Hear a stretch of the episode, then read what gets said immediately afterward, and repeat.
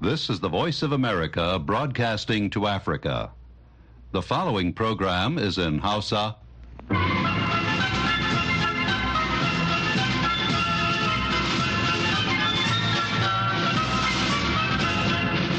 Sashen Hausa na murya Amurka ke magana daga nan birnin Washington DC.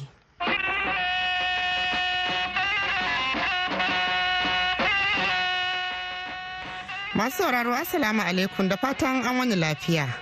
Yanzu ma Hawa Sharif ce tare da Zarawa fage da sauran abokan aiki muke farin cikin sake kasancewa da ku a wannan shirin na daren yau Juma'a ɗaya ga watan Maris shekarar 2024.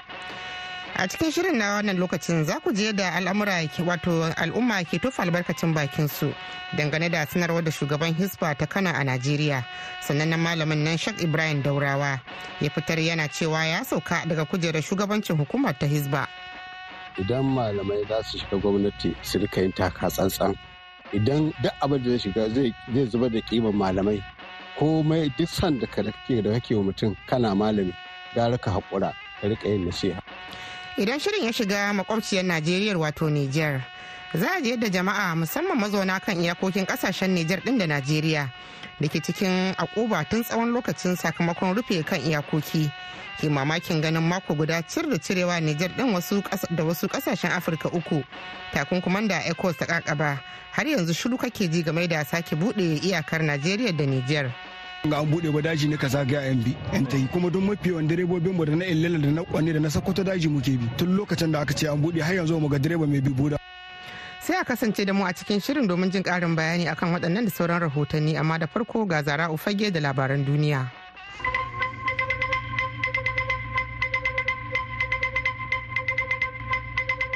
Jama'a masu sauraron mu barkanmu da wannan lokaci.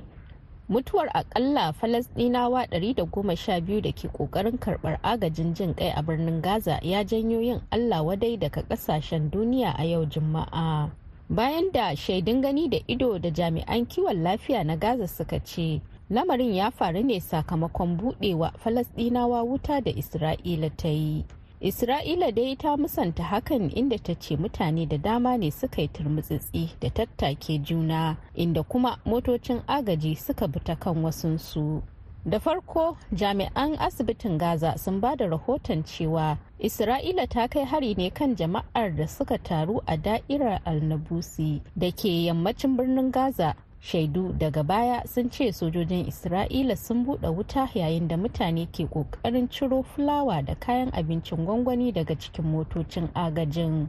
Da farko dai jami'an isra'ila sun amince da cewa sojojinsu sun buɗe wuta. Suna masu cewa sun yi hakan ne saboda a tunaninsu mutanen da ke garzayawa zuwa motocin agajin wata barazana ce. Sai dai a wata sanarwa ta faifan bidiyo da aka wallafa daga baya a jiya alhamis a dandalin sada zumunta na x wanda aka fi sani da twitter. Mai magana da yawun rundunar tsaron isra'ila ya ce sojojin sun yi harbin ne domin yin gargaɗi da tarwatsa taron mutanen. Da take magana yayin da take cikin jirgin shugaban amurka na air force one da ke tafiya tare da shugaba joe biden zuwa kan iyaka amurka da mexico. Kakakiyar fadar white house olivia dalton ta shaidawa manema labarai cewa wannan sabon abin da ya faru na buƙatar a yi bincike sosai. Hukumomin taliban a afghanistan sun yi gargaɗin hana 'yan jarida mata da mata baki ɗaya shiga kafafen yada labarai sai dai idan sun bi ka'idar sanya tufafi wanda idanuwansu kaɗai za a iya gani. Cibiyar 'yan jarida ta afghanistan ko ƙungiyar 'yancin 'yan jarida afjc ta ce muhammad khalid hannafi shugaban ƙungiyar inganta nagarta mataimakin ma'aikatar taliban ya yi wannan gargaɗin a ranar larabar da ta gabata yayin da yake ganawa da 'yan jarida a kabul.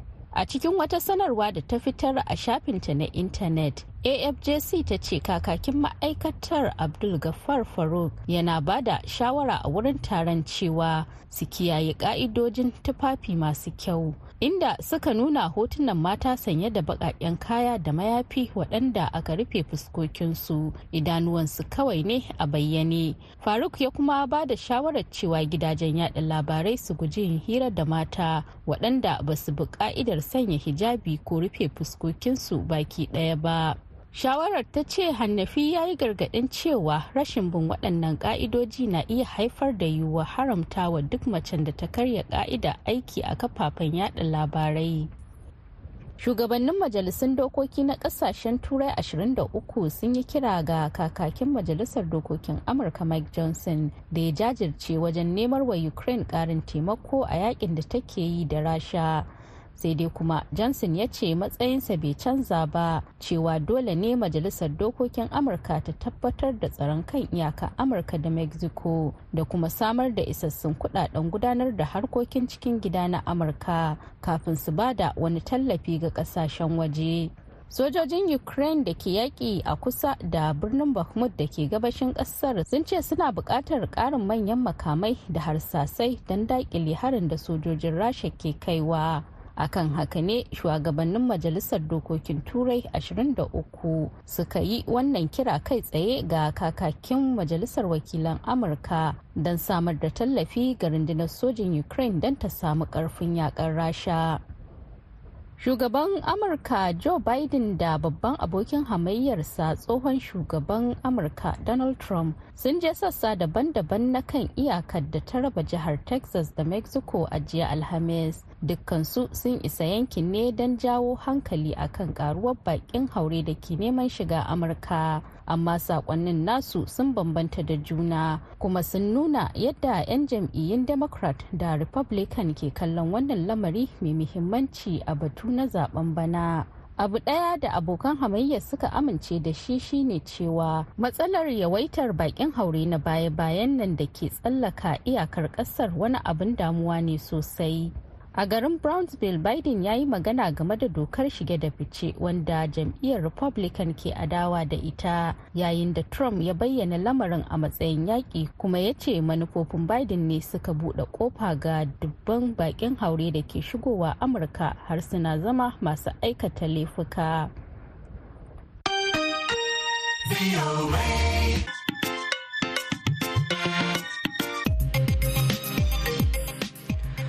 Zarau aka saurara da labaran duniya daga nan sashen Hausa na murya Amurka a birnin Washington DC.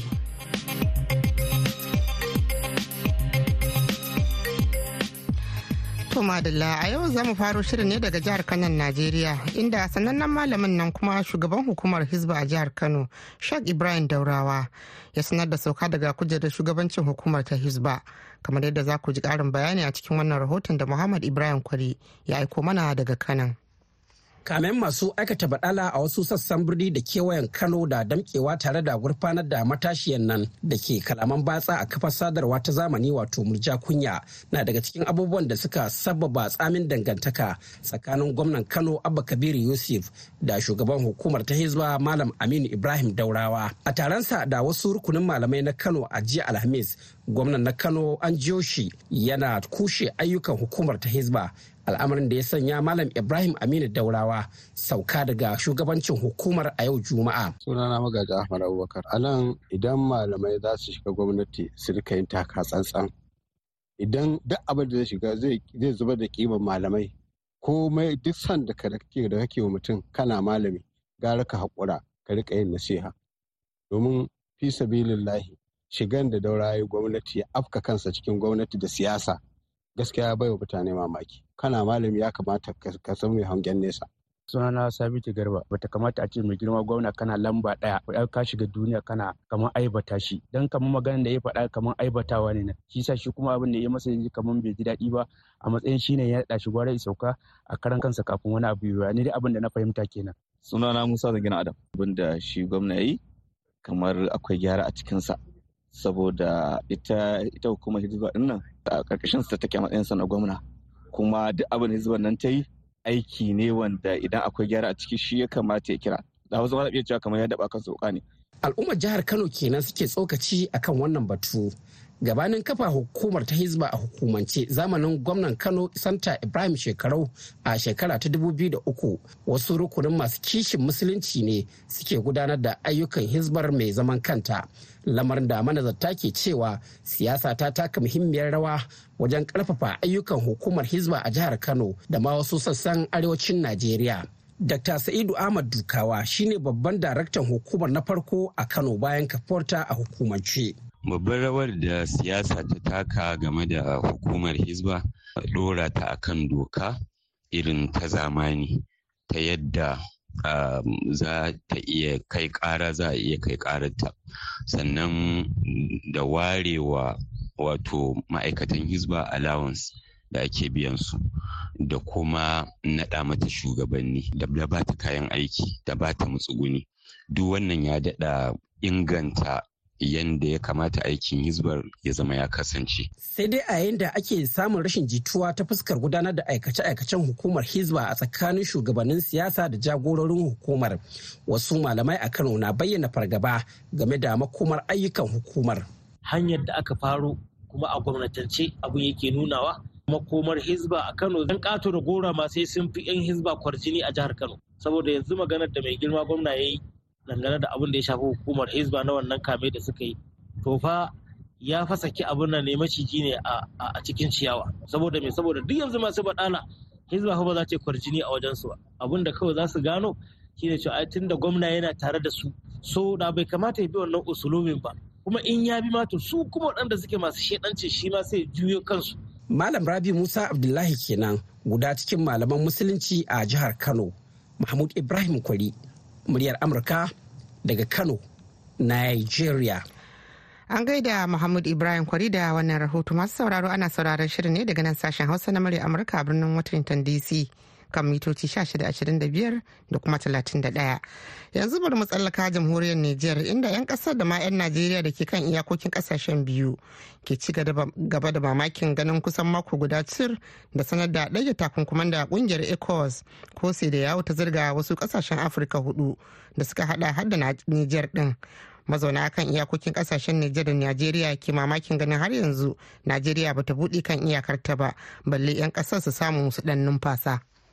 Kwanaki shida biyo bayan ɗage takunkuman da ecowas ta karkaba wa ƙasashen jamhuriyar nijar mali burkina faso da gine conakry har zuwa ranar yau iyakokin jamhuriyar nijar da benin da nijar najeriya gefen jihar sokoto kan ya suke abin da ya sa malam zabairu abdurrahman mai nazarin al'amuran yau da kullum cewa to sun fito sun faɗa cewa sun buɗe boda. To amma yanzu tsawon kwana shida kuma ba wani al'amari wanda ya canza dangane da buɗe bodan nan. Mu abin da muke nazari shine wataƙila ko su hukumomin da suke tsare da bodan ba su samu takarda rubuce ba umarni daga sama ta ɓangaren shi ainihin shugaban kasa na nigeria tunda shi shugaban ƙasar nigeria kamar shugaba ne na ita kanta ƙungiyar ecos. To nan umarni yana tasowa ne daga ƙungiyar su ma 'yan nijar da ke kan iyakar illela lokal gamman ta jihar sokoto da birnin kwannin jamhuriyar nijar na ci gaba da nuna mamakin su game da kasancewar iyakar najeriya. A kulle. Abdulkadir nake. To, san abin da a wannan matsala ba. An ce muna takunkumi an hidda. Kuma bododi muka dibe an ce an buɗe kuma ba mu ga ba mu gani kasa ba saboda ba mu ga hanyoyi mutane ya kai da kawo ba. Ba a buɗe ba kenan. Faɗi na ɗaya an kai ga takarda kuma manya sun ki magana. To mu talakawa a ana aka ni da mu. shiru kenan kuke Eh ba su magana. To mu talakawa za mu yi. Mu cika mu ko ko a aka so da mu. Tasu mai kasu ta Valo Niger. An ce an buɗe boda tsawon mako guda. An buɗe takunkumi. To mun ji ga faɗi amma ba mu gani a ƙasa ba a yau dai idan za ka ta illela sai ka sabka ƙasa wanda zai hito daga illela zo kwanni sai ya sabka ƙasa kenan ko inda an buɗa da kowa ya bi ta saman guduran ya wuce sun yi shuru shuru muna son su yi magana saboda maganar da aka faɗi majalita in ta tabbata gaskiya ne. Amma yin shuru haka ba mu iya mu gane gaskiyar duk da kanwar jaci a ɓangaren 'yan najeriya da ke kai komo a wannan iyakar inda suke ci gaba da talibibin wannan lamari. Dura sunana lokacin da an ka rufe inda aka gangarawa kasa har yanzu nan da aka gangara ba a bi kwalta a buɗe kwalta ba. Dan dai ban gani ba ni dai ko ba gaskiya ba har yanzu kasa na aka gaskiya dai mu gare mu ba a buɗe ba dan ko yaushe muna shiga. Ni dai ban ga an buɗe ba daji ne kaza ga yan bi yan tayi kuma don mafi yawan direbobin mu da na illala da na kwanne da na sakkwato daji muke bi. Tun lokacin da aka ce an buɗe har yanzu mu ga direba mai bi buda ba bai wuce. Mu dai ba mu gani ba. Muna dai bi daji muna gangara muna taya muna yi abincin mu dawo. A cewar wani dan ƙasar benin da muka zanta da shi ta manhajar whatsapp kin buɗe iyakarta da jamhuriyar niger ta yi da ƙasar benin dole ne sai diplomasiyar ƙasar benin ta shiga nata aiki inda yake cewa. Le benin est allé ouvrir ses frontières.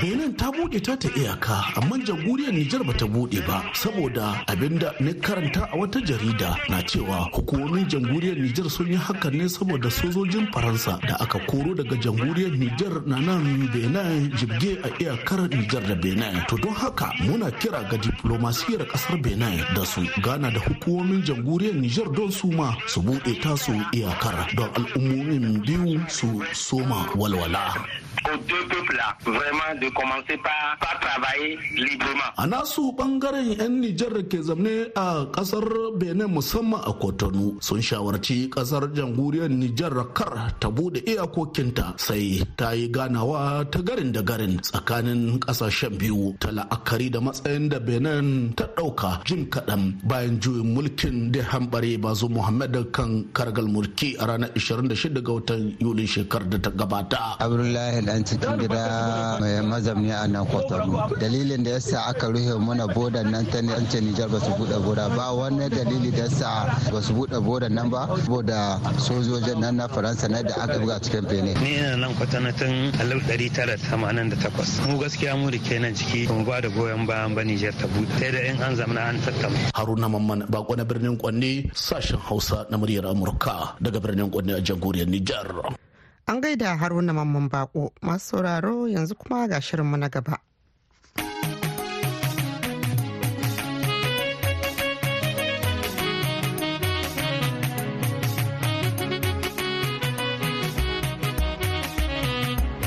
Mai sauraro Assalamu alaikum. Barkanmu da sake saduwa a wani sabon shirin na tubalin tsaro wanda ni Hassan mai na kaina zan jagoranta. Wanda a yau za mu duba batun kirkiro 'yan sandan jihohi da shugaban najeriya bola tinubu ya ce za a duba. Kazalika za mu duba raɗe-raɗin da ake cewar an sanya dakarun da ke tsaron fadar shugaban najeriya zama cikin shirin kota kwana. To ko ya zafi haka? Akwai kuma ƙarin haske a dangane da rikicin da ya dawabe 'yan bindiga daɗi waɗanda yanzu haka suna can cikin daji suna kashe kansu da kansu. Wannan rahoton da wannan jaridar ta yanar gizo ta fitar ba gaskiya ba. Under the united nations an ce ai mutum 400 at least to a police ma to nigeria ya ce miliyan ɗaya to a police. Barayin dajin nan suna bi suna kashe 'yan uwansu da kansu.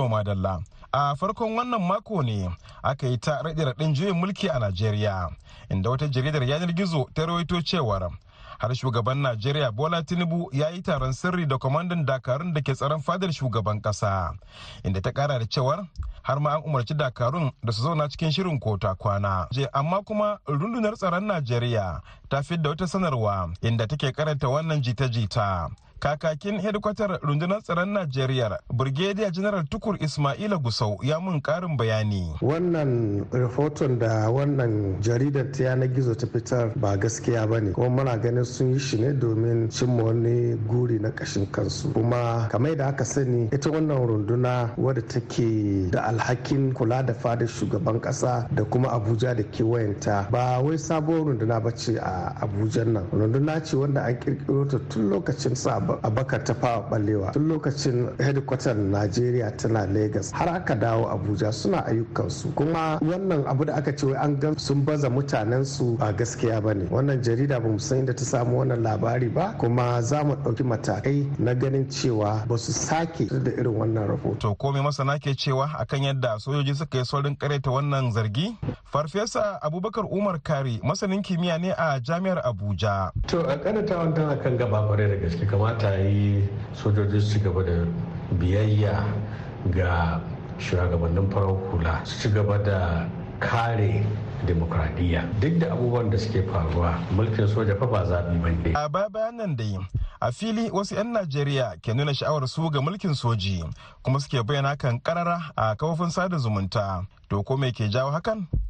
Ga masanin kimiyyar siyasa farfesa abubakar kari. Wato a taƙaice abin da ya kawo haka shine tsananin gazawa da shugabannin mulkin demokuraɗiyya suka yi domin magance manya da ƙananan matsalolin da suka addabi kasan nan. Shi yasa 'yan najeriya da dama suke ganin cewa gara ma jiya da yau. Waɗansu suna ganin cewa demokuraɗiyya bata zina na musu komai ba. Idan banda kawo rikice-rikice da rashin zaman lafiya da kwanciyar hankali da talauci da miyata da sauransu. Shi yasa har ma suke ganin cewa ai a baya abubuwa ba haka suke ba. Wato kenan a taƙaice a baya mulkin soja abubuwa ba su kazance ba su taɓarɓare irin na yanzu ba. 'yan najeriya sannan a hankali da dama daga cikinsu suna yi wa mulkin demokradiyya mulkin farar hula yankan ƙauna saboda ba su gamsu da irin yadda ake mulkin ba. Amma kakakin sojojin najeriya general tukur gusau ya ce za su ci gaba da biyayya ga tsarin demokradiyya da kuma kare tsarin mulki. Kuma rundunar sojin najeriya za ta ci gaba da kare martabar tsarin mulki na demokaradiyya wanda a halin yanzu ake yi a najeriya. Za mu tabbatar da mun kare wannan tsarin mulki. General tukur gusau bari mu duba batun 'yan sandan jihohi. Shugaban najeriya bola ahmed tinubu ya amince cewar za a duba batun kirkiro 'yan sandan jihohi.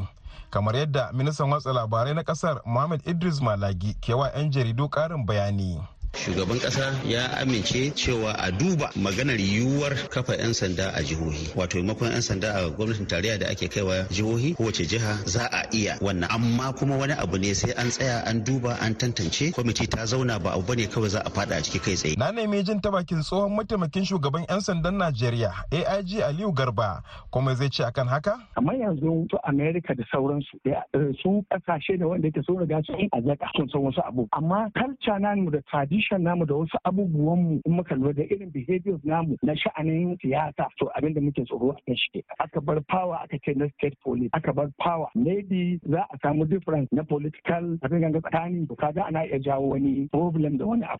To in dai ba abin nan in national ne to kaga is effectively at the national level. At the police at the state level zai iya yana da nashi advantage sosai kuma yana da nashi disadvantage. Amma disadvantage din na a wannan irin wa'annan lokaci da ake ciki yana da yawa. Shi yasa ga cewa ra'ayi a kara faɗaɗa watan 'yan sanda suka yi in suka yi kamar yanzu yadda muke da shi a Egypt mutum ina kuma kaga wanda da United Nations an ce ai mutum ɗari huɗu at least to a policeman to Najeriya ya kai miliyan ɗaya to a policeman. To amma idan aka yi wannan aka kara sai kuma zai taimaka sosai at this level domin a cire wani zuciya na irin cewa ana tsoron idan aka yi state police zai iya jawo wasu abubuwa saboda because of political differences. Kamar takamaiman me ake jin tsoro ne? Tsoro bai yawa kaga zai iya kawo kaga a ce an administration an baya kuma directives ne na power. Wani mutum na zaune ko a gidan shi ko wani abu zai iya faruwa. Da a biya a tabo shi a je a kamo shi. In an zo ma kafin ma a ce ina yake ina a shi ba a sani ba. Kaga duk wa'annan abubuwan da ake tsoro a kan shi kenan. Especially na irin demokradiyya cause of political differences. Abinda mutane suke tsoro kenan. Kuma yanda za a yi a ce wani ya je daga wani jiha zuwa wani jiha ana iya samun wa'annan problems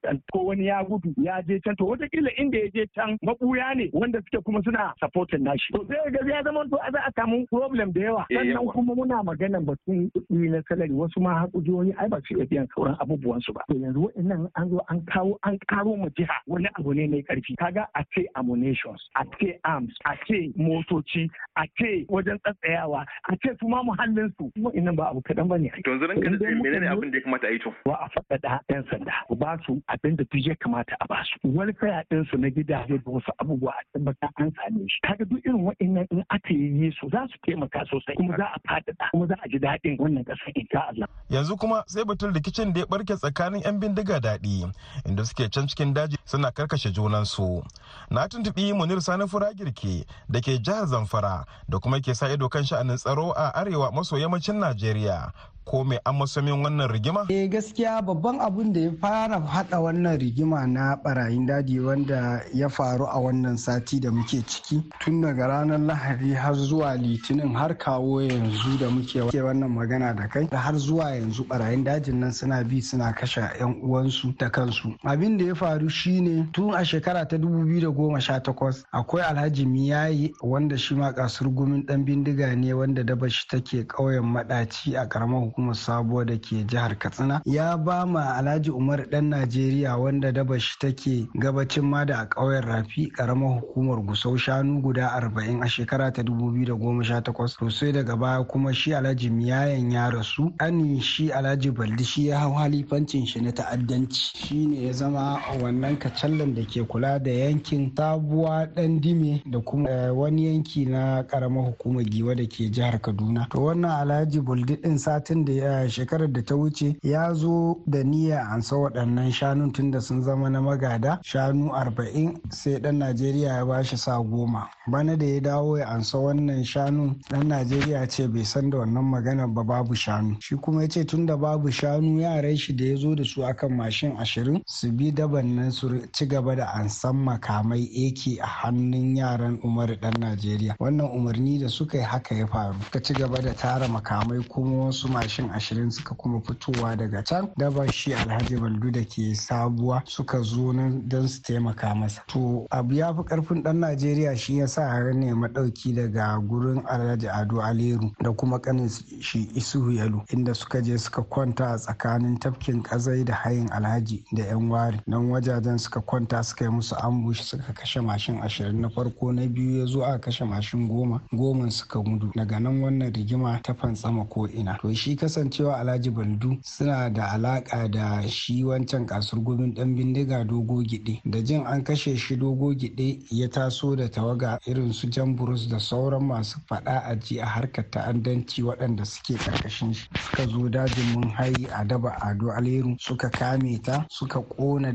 hatsin shi da abubuwa na amfanin yau da kullum suka ci gaba da farautar shi. To kasancewa banda daba mun hayi ado aleru da kwai gidansu wanda yake dutsen a saula a yammacin garin yan kuzo da ke karamar hukumar tsafi ya gudu nan gurin suka ci gaba da neman shi har sai da halilu kacalla ya zo ya shiga tsakani ya sa baki aka tura wakili wanda zai je ya an so makaman alhaji baldu waɗanda bayan an mai an bushe da mashinan shi aka ƙwace aka turo wakili daga cikinsu wanda aka yarda da shi ya zo ya ansa ya kai musu. Har yanzu wannan fitinar bata kare ba saboda koda sun ce sun haƙura ba mutane ba ne masu yafiya ba mutane ba ne masu kyaliya daga nan zuwa shekara ɗari in Allah ya musu tsawon rai ko 'ya'yansu ne sai sun ban mana wasiya akan su yaƙi waɗancan mutanen. Daga bisani majalisar dattawan Najeriya ta ce tana aiki kafada da kafada da ɓangaren zartarwa don shawo kan matsalolin tsaro da suka dabaibaye Najeriya a halin yanzu. Shugaban kwamitin tsaro da hukumomin bayanan sirri na majalisar dattawan Najeriya Sanata Shehu Buba ya yi wa wakilinmu da ke Bauchi karin bayani. Kuma rashin tsaro nan kusan kowa kowa ya san cewa ba yau ta fara ba. Ko gwamnatin nan da ta shigo kusan kaman gadan da ta yi. Ita ma wancan gwamnatin ta shuɗe gatan da ta yi a gwamnatin shuɗe. So haka abun ake tafiya. Amma ina tabbatar muku a yanzu hukumance muna yin duk abin da za mu iya yi mu ga cewa an dawo da tsaro a yankin arewacin Najeriya. Domin shi mai girma shugaban kasa kuma ni a matsayina na chairman Senate Committee Security and Intelligence muna tattaunawa kuma muna gani muna mu'amala da manyan jami'an tsaronmu su duka muna aiki tare mu ga cewa yadda za mu kawo ƙarshen wannan. Kuma alhamdulillahi ana nasara. Ai yanzu za ku ga cewa kusan ai an yi nasara. Babun ba zai kare rana ɗaya ba amma dai za a ga cewa yanzu ai irin yadda za za a tashi gari guda a ce a ce an a takin an kashe mutum ɗari ɗari da hamsin talatin. Duk abin kusan yanzu abu ya rage. Amma dai tun abin yana nan da yawa so amma ina tabbatar muku cewa insha Allah ta'ala muna yin duk abin da za mu iya yi mu ga cewa mun kawo ƙarshen rashin tsaro da kuma ta'addanci da 'yan ta'adda da suke addaban mutane mu suke hana mutane zaman lafiya. Sanata Shehu Buba.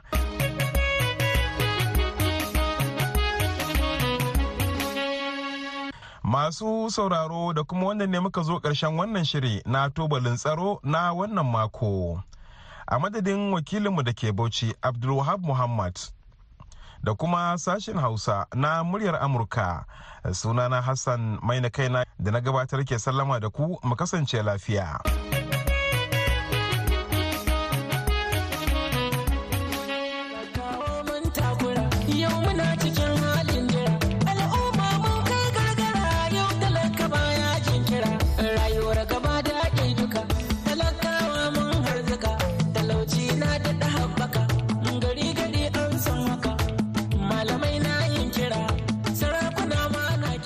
To madalla masu tsaro baki ɗaya kuma a nan ne muka kawo ga ƙarshen shirin namu na wannan lokaci kuma na ƙarshe a jerin shirye-shiryenmu na yau.